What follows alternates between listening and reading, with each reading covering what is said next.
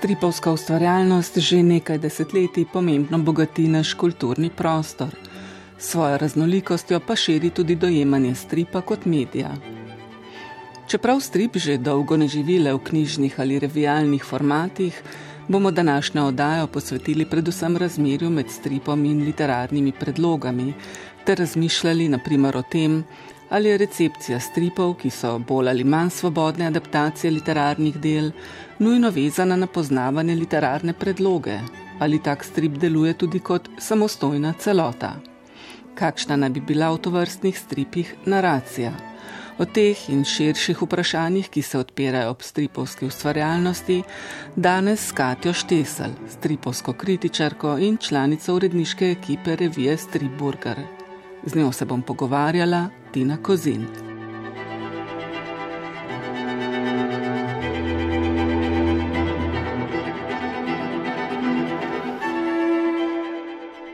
Katja Štesel, lepo pozdravljeni.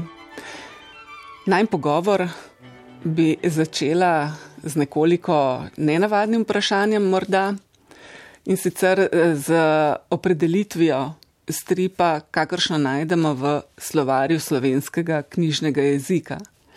Ta opredeli strip kot zgodbo, prikazano z zaporedjem slik in z besedilom, navadno v oblačkih. Bi se strinjali s tanko opredelitvijo ali bi kaj dodali, morda kaj oduzeli? Ja, o taki definiciji bi se po mojem lahko pogovarjali kar eno uro, če bi bilo treba. Mnenja so razdeljena. Kar bi izpostavila pri tej definiciji je to, da sicer strip ponavadi pripoveduje zgodbo, ni pa nujno, a ne poznamo tudi bolj eksperimentalne oblike stripa, mogoče bolj abstraktne, um, da je prikazano z zaporedjem slik in z besedilom. Pri tem je pomembno razumeti, da je to neko točno določeno zaporedje slik in da so te slike lahko recimo tudi fotografije ali pa kakšna druga oblika podobe in da je besedilo, navadno v oblačkih, lahko tudi drugače integrirano v to podobo, lahko je, oziroma najpogosteje je celo likovno obdelano besedilo, ampak v neki, v neki splošni smeri bi pa ta definicija, po mojem, zadostovala, zato da lahko vsakdo približno prepozna, kaj naj bi strip bil. Verjetno jo strip s svojim razvojem, ki ga tako ali tako že implicira ustvarjalnost, počasi prerašča. Tako, tako. Pojavljajo se nove definicije. Veliko teoretikov se sprašuje o tem, kaj je tisto, kar strip recimo zares razlikuje od recimo animacije ali filma, kjer imamo tudi neko zaporedje podob, pa ob tem izpostavljajo, da gre pri stripu za neke bolj negibne podobe, ki so hkrati postavljene na eni stripovski strani. Tako da več kot vemo o stripu in več različnih stripov kot nastaja, bolj se širi ta definicija, da bi nekako zajela čim več del, ki nastajajo v tem mediju. O razmeru med to vizualno govorico in besedno bova več v nadaljevanju, če se ne motim, obstajajo tudi povsem nemi stripi. Ja, tako je. Včasih jim rečemo tudi brezbesedni ali pa celo pantomimični stripi. To so stripi, ki uporabljajo samo vizualno komponento, ne poznamo stripe brez besed, ne poznamo pa stripov brez podob. In v takih stripovskih pripovedih je morda nekaj več um, energije, volje potrebno od bralca, da razume to zgodbo, ampak je hkrati nagrajen zaradi te svoje upletenosti, ne? ker nekako sam sebi postane pripovedovalec. Lahko se zadrži pri posamezni podobi, lahko si sam odmerja ritem dogajanja ki bi ga sicer recimo zamejevalo neko besedilo. Mhm. Včasih smo stripe brali predvsem v revijah, zdaj so številčne še stripovske izdaje v knjižnih oblikah, albumih. Pa me zanima, kdaj se začnejo pri nas širiti stripi v knjižnih izdajah in katere avtorje oziroma založbe bi v povezavi s tem izpostavili. Uh mhm. -huh. Ja, v našem okolju se je to začelo nekako po letu 2000, če pa gledamo bolj globalno, pa recimo konec 70-ih let ali pa začetek 80-ih let. Na to, da so nekako tudi stripovski avtorji se začeli zatekati k literarnim predlogom, je vplivalo več stvari. Veliko izmed njih je neke čisto založniške ali produkcijske narave. Ne? Um, zato ker so po teh različnih cenzurah in kodah, ki so usmerjale uh, stripovske avtorje pri ustvarjanju z namenom, da bi v narekovajih obvarovali nedolžne otroke ne, pred neprimernimi vsebinami. Nekako je to povzročilo padec prodaje stripov in so se in založniki in avtori skušali uh, nekako znajti in so iskali nove publike za svoje izdaje. In nekako se je tule vključilo tudi odraslo bralstvo, ne samo več otroško. In za njih je recimo bilo primernejše, da so te vsebine morda bolj odrasle, morda bolj zahtevne, da jih je to pritegnilo in tukaj so se vključile potem tudi literarne predloge. Zdaj pri nas um, smo po, tako nekako kot časopisi in revije niso bili več samoumeven del gospodinstev pri nas, so se potem morda bolj fokusirali na knjižne izdaje. Um, zdaj je to nekako uveljavljeno, mislim, da je tudi prebralstvo popolnoma sprejeto, da ni treba več vsakič povdarjati, da ima strip lahko tudi daljšo obliko, da lahko govori o resnih temah in tako naprej. In pri nas se s tem ukvarjajo nekatere specializirane založbe, kot je recimo Stripburger, ki deluje v okviru foruma Ljubljana, ali pa Stripolis, ali pa morda Vige Vage knjige, um, Grafit tudi vem, da mladinska knjiga izdaja nekaj stripov, tako da načeloma se iz te neke razpršenosti in individualnih trudov zdaj počasi premikamo v neko splošno naklonjenost. Čemu vse naj bi se prilagajal format stripa? E, vemo, da se pojavlja pač v različnih oblikah. Ja, o, v zadnjem času tudi seveda digitalni stripa. Ne? kot neka pomembna menica, ali pa bi lahko to razumeli kot nek nastavek nadaljnega razvoja. Um, je morda to tudi odgovor na to, da ljudje vedno manj kupujejo revije? Morda, morda, ja, nekako uh, prej opazijo nek kratek strip na Instagramu ali Facebooku, kot bi ga pa v reviji. Je pa res, da recimo pri nas revije za otroke, kakšen Ciciban ali pa Pil, še zmeraj objavljajo stripe, tako da pride do bralstva. Če pogledamo zdaj malo razmerje med stripom in literarnim delom, zdi se, da je vsak strip, ki se nanaša na literarno predlogo, v bistvu priredba. Ne na zadnje je besedilo, ki je ključni segment literarnega dela, bistveno skrajšano, nadomesti ga vizualna govorica, pa vendar strip se lahko na predlogo navezuje bolj ali pa tudi manj, lahko je zgolj samo njena interpretacija. Kaj bi lahko povedali o tem razponu razmeri, v katere stopata strip in literatura? Mm, ja, v, v sodobni produkciji lahko opazujemo predvsem primat proze kot predloge za strip, a ne veliko manj je poezije ali pa dramatike. In tam recimo, kjer pa imamo primere nekih stripovskih predelav, poezije, v zadnjem času je pri nas to uspelo Andreju Štularju z, s pesmimi Srečka Kosovela, gre morda bolj za neke vizualne interpretacije, je ta vtis avtorja veliko bolj opazen, kako je on to videl in kako nam želi to zdaj podati naprej, z uporabo nekih vizualnih elementov. Medtem ko se um, ostale priredbe oziroma stripi, ki se navezujejo na bolj prozne predloge, zelo razlikujejo. Ne? Lahko gre za neko obliko aktualizacije, kjer recimo avtori ohranijo neke osnovne razmerja med liki ali pa osnovne teme, motive, pa jih predstavijo v sodoben čas. Tak primer je recimo Džema Boveri um, kot neka aktualizacija sodobne ženske z zelo podobnimi težavami. Pogosto gre za to neko zgoščevanje ne? in to ni samo na ravni samega besedila, ampak se veliko tega zgoščevanja mora nekako prevesti v vizualni jezik.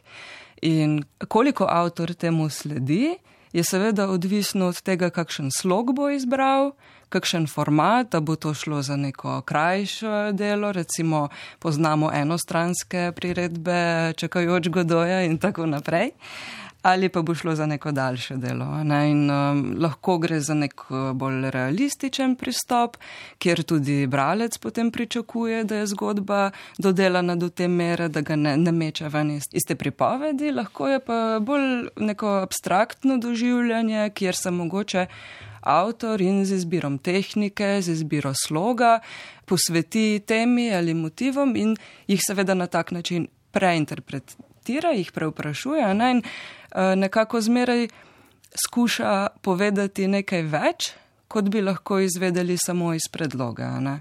Zato se mi zdi pomembno, da sicer strip eh, je samostojno delo, mora stati v celoti, bralec mora razumeti zgodbo od začetka do konca. Ni nujno, da poznamo literarno predlogo. Je pa to nekaj, kar zagotovo doda neko vrednost in je tudi narejeno s tem namenom, da bi mi prepoznali to navezavo in da bi neka sporočila, neke pomenske podtone lahko dobili ravno iz te razlike med stripovsko predelavo, priredbo in med predlogo, oziroma kar smo se naučili morda o njej v šoli ali pa tudi sicer. Ravno to sem vas želela vprašati, koliko je pri branju takih stripov nujno poznavanje literarne predloge, ampak verjetno za neko celostno razumevanje oziroma tudi za nek bolj dinamičen odnos eh, s stripom in ne nazadnje tudi z literarnim delom je pomembno poznati oboje. Vsekakor, ja. Potem bom pa zdaj že kar vprašala nekaj, kar sem vas želela malo pozneje vprašati, s tem v zvezi recimo s temi literarnimi predlogami in stripi, ki so relativno tesno vezani na literarne predloge. Kako bi odgovorili tistim, ki pravijo, da recimo njihov otrok prebere tak strip na mesto kafkove preobrazbe in da je s tem tako rekoč osvojil tudi preobrazbo. Na drugi strani pa se recimo pojavi drug, ki pa meni, da, pač, da so to vrstne priredbe zgolj potuha za mlade bravce in da to vrstno delo ne more nadomestiti literarne ustvarjalnosti. Mm, ja, vsekakor strip niti ne more in niti ne želi nadomestiti mm. leposlovja na zelo podoben način, kot tega ne morete narediti recimo film ali gledališče, ker strip je medij, ki je sestavljen iz nekako dveh drugih medijev, ne, iz vizualne in besedne komunikacije. In kar lahko dobimo iz recimo literarne predloge, je nekaj, kjer se morda bralci vključijo bolj miselno si probajo sami nekako narediti to, čemu včasih rečemo mentalna animacija, medtem ko beremo stripane, oziroma tudi, tudi literarno delo. Ja, zagotovo to ni nobena potuha, ampak je dodatek. Predvsem zato, ker opažamo, da se morda v šoli, pa v nekih teh eh, klasičnih literarnih kanonih, veliko bolj poudarja prepoznavanje in razumevanje besednih elementov, medtem ko se pri stripu temu priključi še vizualni element. Ne vem, morda so nekateri bralci temu bolj naklonjeni, lažje razumejo podobo, ne, lažje jo interpretirajo kot določen besedni sestav. Tako da zagotovo take priredbe bolj dodajajo, kot pa da bi karkoli oduzemale in mislim, da je strah popolnoma odveč. Zagotovo je treba brati literaturo in dobro je brati tudi stripe. Kako pa vstopa v strip, spet pa pri priredbi, naracija? Veva, da je jezik ključni element leposlovja in to pač jezik na nekem nivoju z bogatstvom pomenskim in izraznim. Kako se to prenese oziroma kako to zaživi v stripu? Uh mhm. -huh. Pri stripu se mi zdi najbolj pomembno, da razumemo, da je pripoved sestavljena iz vizualne in besedne komponente. In recimo, če pri literarnem delu govorimo o tem nekem enem pripovedovalcu, ki lahko zauzema različne pozicije, se vključuje v zgodbo ali je nekako uh, ta vsevedni opazovalec, pripovedovalec. Eh, se pri stripu to deli na nekako vizualnega pripovedovalca in besednega pripovedovalca. Besedni pripovedovalec uporablja um, zelo podobne postopke, kot jih poznamo iz literature. Recimo v dialogih uh, so junaki pomembno označeni s svojo govorico, um, njih, tako njihove osebnostne lastnosti se razkrivajo preko govorice, se pa razkrivajo tudi preko relacij z drugimi liki, preko relacij, ki jih vidimo kot razmerje med likom, kot je likovno upodobljen in recimo ozadji, kot nekimi morda glasovnimi vložki. Vse, vse glasovno je tudi v stripu treba nakazati vizualno. Tako da ja, nekako potem za ti dve obe instanci pa skupaj skrbi ta glavni pripovedovalec, ki pa določa to, kaj bo kateri izmed njiju povedal, ne kaj bo narisano in kaj bo napisano.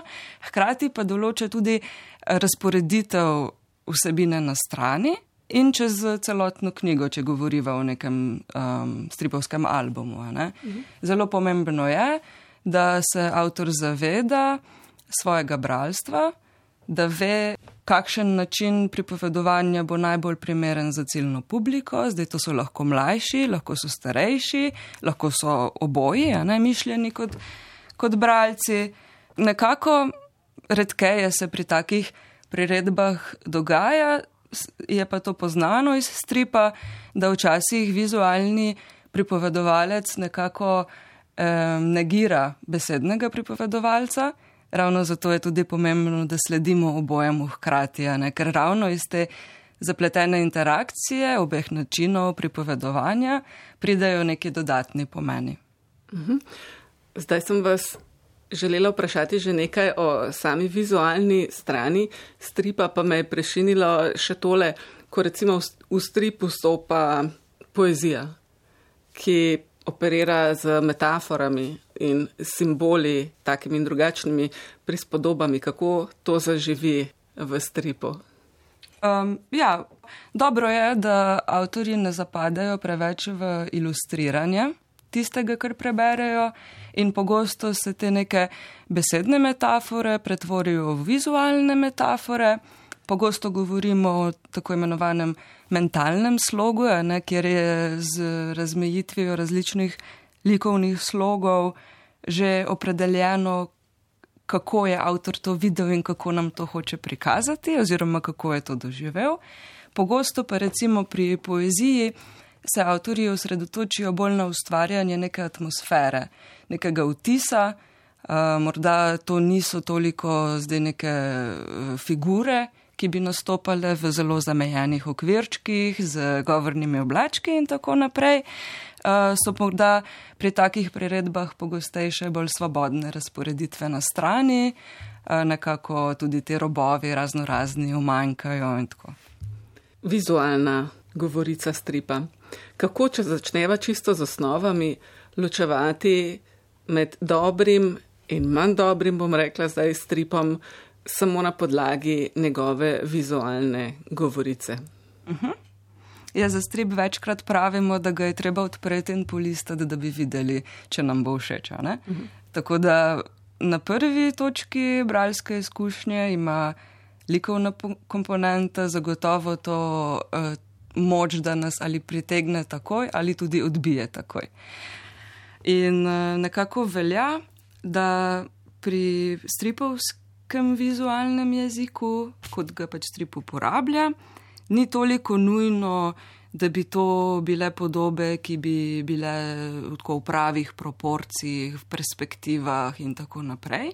Je pa pomembno, da te elemente in nekako tudi tam, kjer se odvračajo od realističnih predstavljanj, da to prepoznamo in skušamo v tem najti nek pomen. Ne? Recimo v zadnjem času sem brala en strip, Goblin Girl, kjer se junakinja sooča z neko duševno stisko in je na poti k svojemu terapeutu in tista podoba nima nobenega besedila. Je pa recimo junakinja na njej upodobljena s tako izredno povečanimi nogami in rokami, medtem ko ima pa glavo popolnoma neproporcionalno majhno stisnjeno v kapuco pulovra. Ne?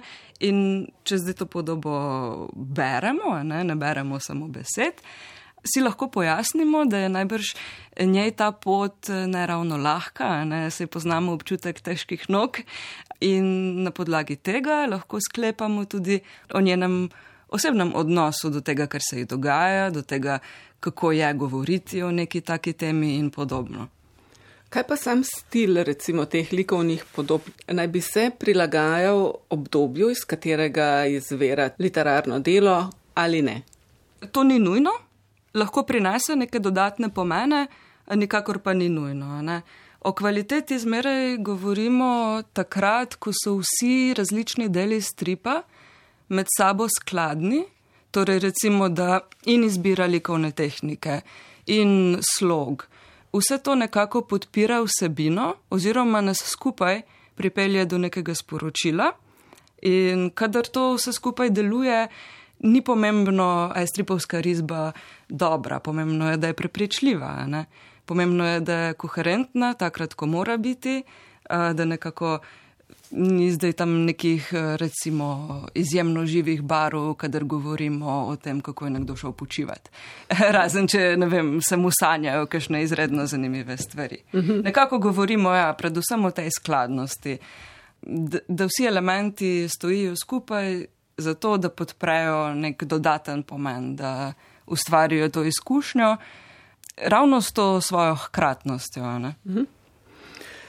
Kaj je štesl, zdaj smo govorili o razmeru med stripom in literaturo, pa vendar je danes vedno več diskurzov, bom rekla, ki vstopajo v strip. Nedavno smo dobili recimo strip oziroma stripovsko različico zgodovine naše osamosvojitve.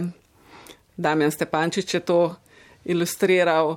Poznamo recimo tudi stripe, ki se lotijo pasusov iz šolskih kurikulov, tako kot je recimo strip iz obdobja protestantizma, ki vsaj po mojem mnenju lahko uh, otroke bistveno bolj zmotivira k uh, učenju o tem obdobju, kot pa neka dolgočasna zgodovinska knjiga poznamo tudi kolumne v stripih, ali lahko danes praktično vsak tak govor vstopi v stripovsko obliko. Zdi se, kot da, seveda je to odvisno od eh, striparja, ne, ampak eh, zdi se, kot da dobivajo navdih že domala v vseh govoricah. Ja, vsekakor. Poznamo tudi uh, kuharice in recepte v ja. stripu. Um, tako da.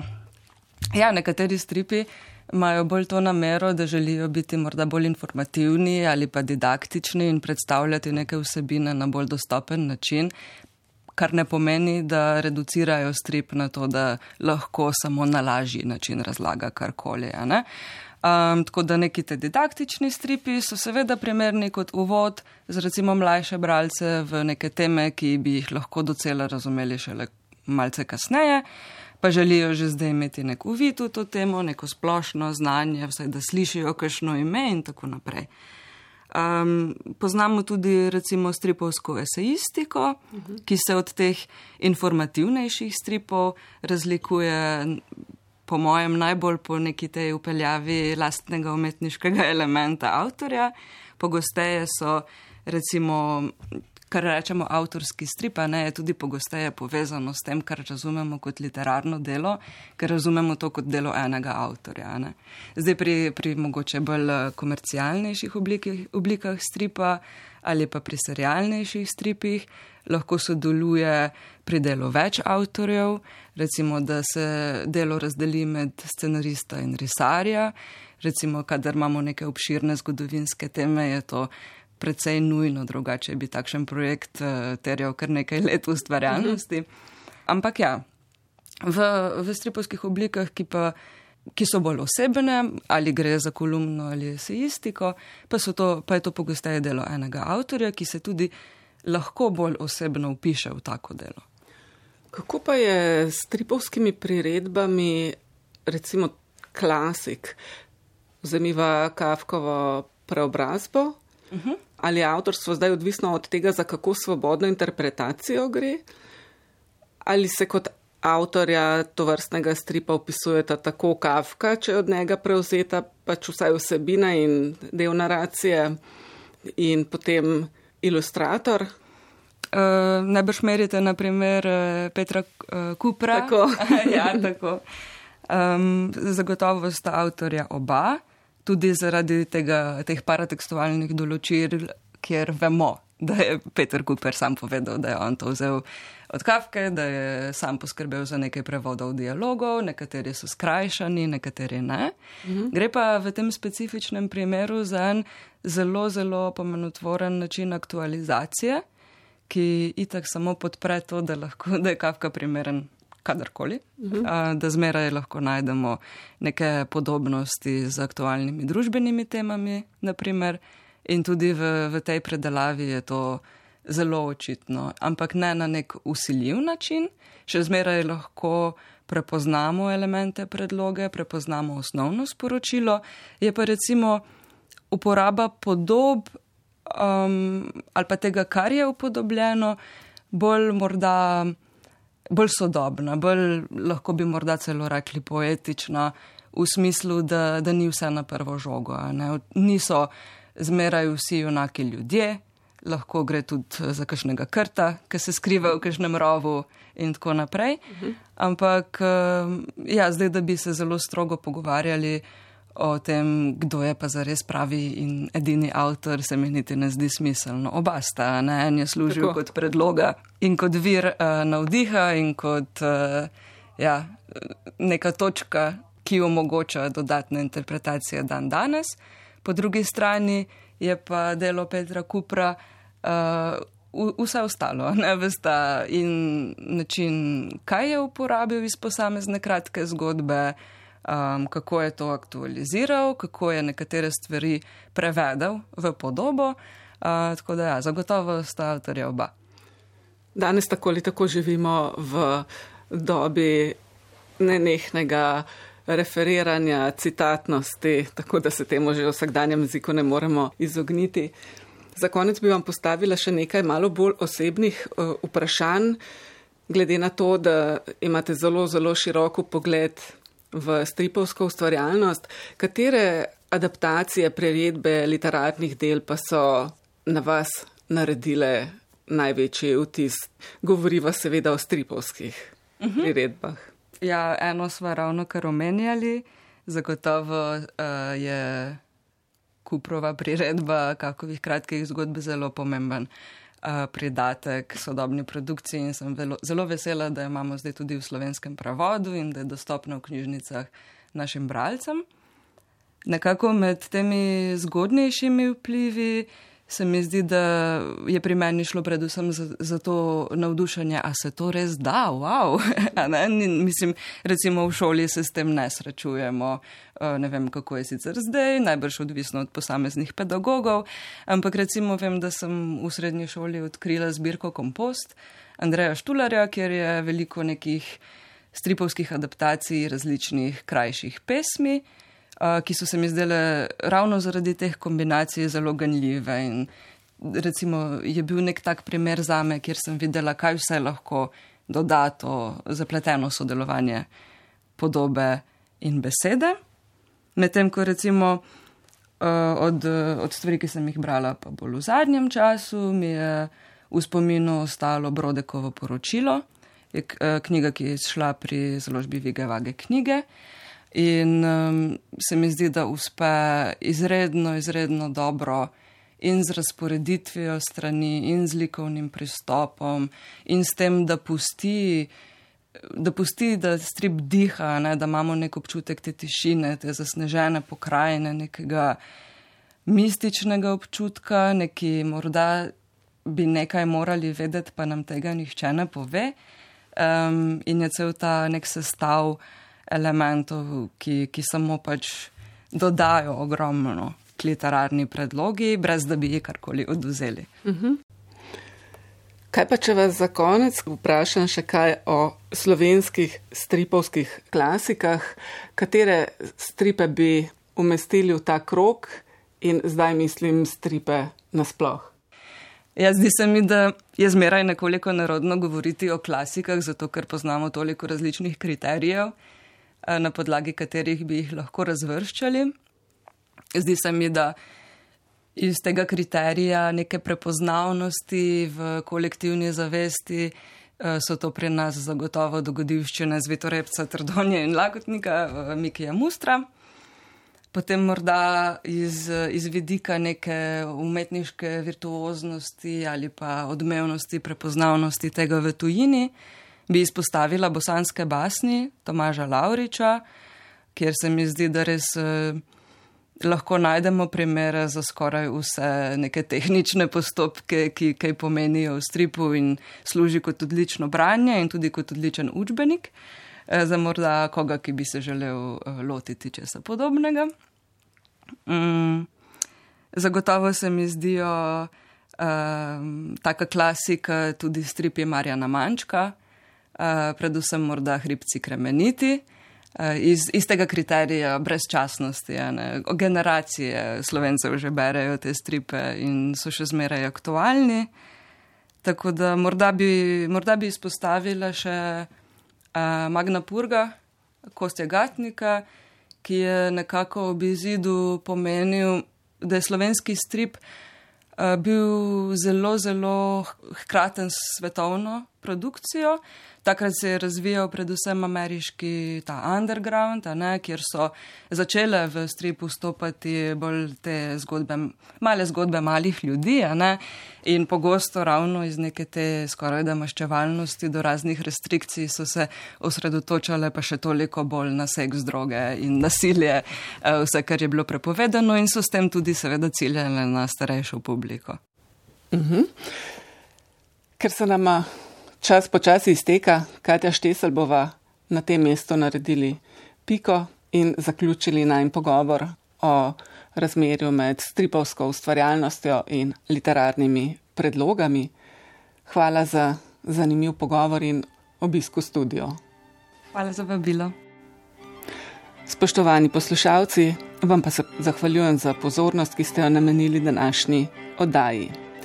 V njej smo gostili Katijo Štesel, stripovsko kritičarko in članico uredniške ekipe revije Striburger. Z njo sem se pogovarjala Tina Kozin, za tehnični del oddaje pa je skrbel Robert Markoč.